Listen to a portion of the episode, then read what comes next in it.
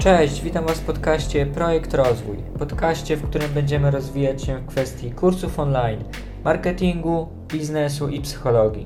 Porozmawiamy o książkach, które warto znać oraz spróbuję nauczyć się czegoś nowego. Każdy odcinek możesz przeczytać w formie wpisu na bloga na stronie kurseo.pl. Jesteś gotowy?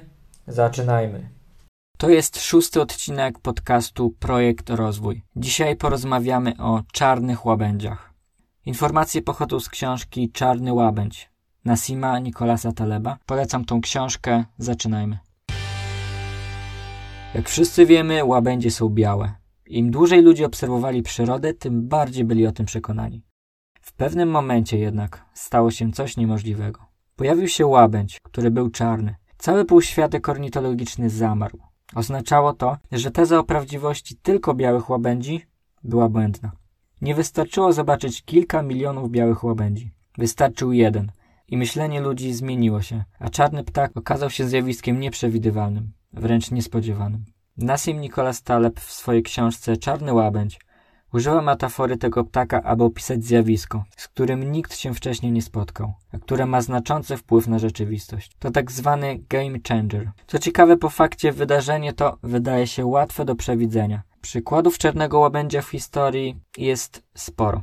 Między innymi atak na World Trade Center 11 września, dojście Hitlera do władzy oraz wiele, wiele więcej. Tak naprawdę każde wydarzenie, które jest znaczące i zmienia nasz świat, wydaje się czarnym łabędziem. Jeżeli przed 11 września ktoś pisał o polityce zagranicznej, to po ataku na World Trade Center nie było to aktualne. Jedno wydarzenie, które zmieniło wszystko. Jak powiedział Nassim Nicholas Taleb, historia nie jest przejrzysta. Widzimy tylko efekty, ale nie znamy scenariusza. Nie mamy dostępu do generatora historii.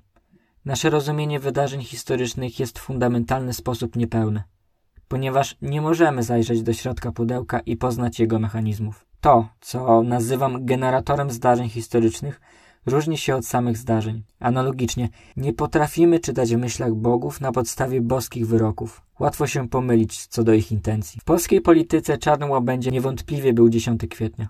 Polityka przed tym niefortunnym wydarzeniem wyglądała całkowicie inaczej.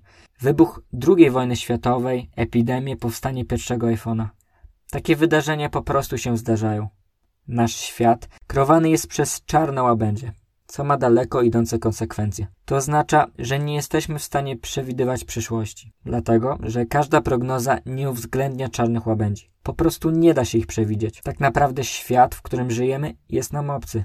Dzięki rozwojowi technologii wmawia się nam, że jesteśmy w stanie przewidywać coraz więcej wydarzeń z coraz to większym prawdopodobieństwem niż kiedykolwiek. Bzdura. Świat, w którym żyjemy, ma za dużo zmiennych. Taleb rozróżnia dwa światy: przeciętnostan i ekstremistan. W przeciętnostanie wszystko jest powolne, a pojedyncze wydarzenia nie mają wpływu na rzeczywistość. Ekstremistan natomiast to dzikie miejsce. Występują tam duże zjawiska, które zmieniają świat. Może się nam wydawać, że mieszkamy w przeciętnostanie, choć tak naprawdę mylimy się. Jaki to ma związek z rzeczywistością? Otóż, gdy wybieramy swoją ścieżkę zawodową, mamy wybór pomiędzy tymi dwoma światami. Możemy wybrać świat mniej atrakcyjny, ale bezpieczniejszy, czyli m.in. zawody takie jak lekarz, nauczycielka, informatyk, urzędnik, sprzątaczka. Z dużą dokładnością możemy stwierdzić, ile będziemy zarabiać, jesteśmy w stanie sobie to wyobrazić. Nie bylibyśmy specjalnie zaskoczeni. Wiemy, ile godzin przepracujemy i zarabiamy za to wyznaczoną stawkę. Ale możemy wybrać też ekstremistę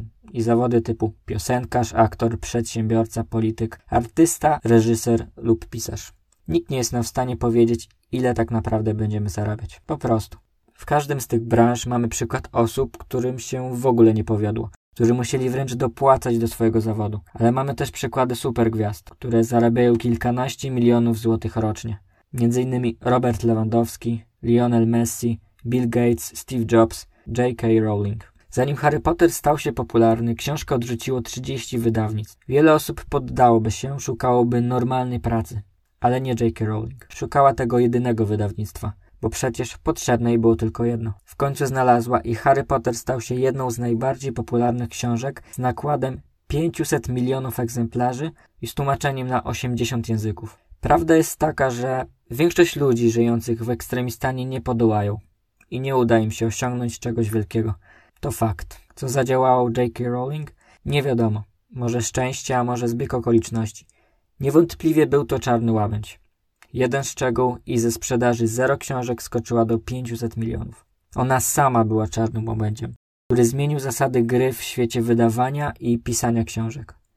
Podobnie jest z piłkarzami. Młody człowiek o imieniu Jakub może myśleć, że zostanie drugim Messim czy Ronaldo, ale prawdopodobnie nim nie będzie. Zjawisko czarnego łabędzia dotyka cały nasz świat. Dla przykładu, jeśli chcesz zostać przedsiębiorcą i masz w planach założenie sklepu typu kiosk, to możesz przewidywać ile zarobisz. Możesz też pójść dziką drogą i stworzyć nowy portal społecznościowy, platformę streamingową lub też loty załogowe na Marsa. I tutaj znowu, prawdopodobnie ci się nie powiedzie.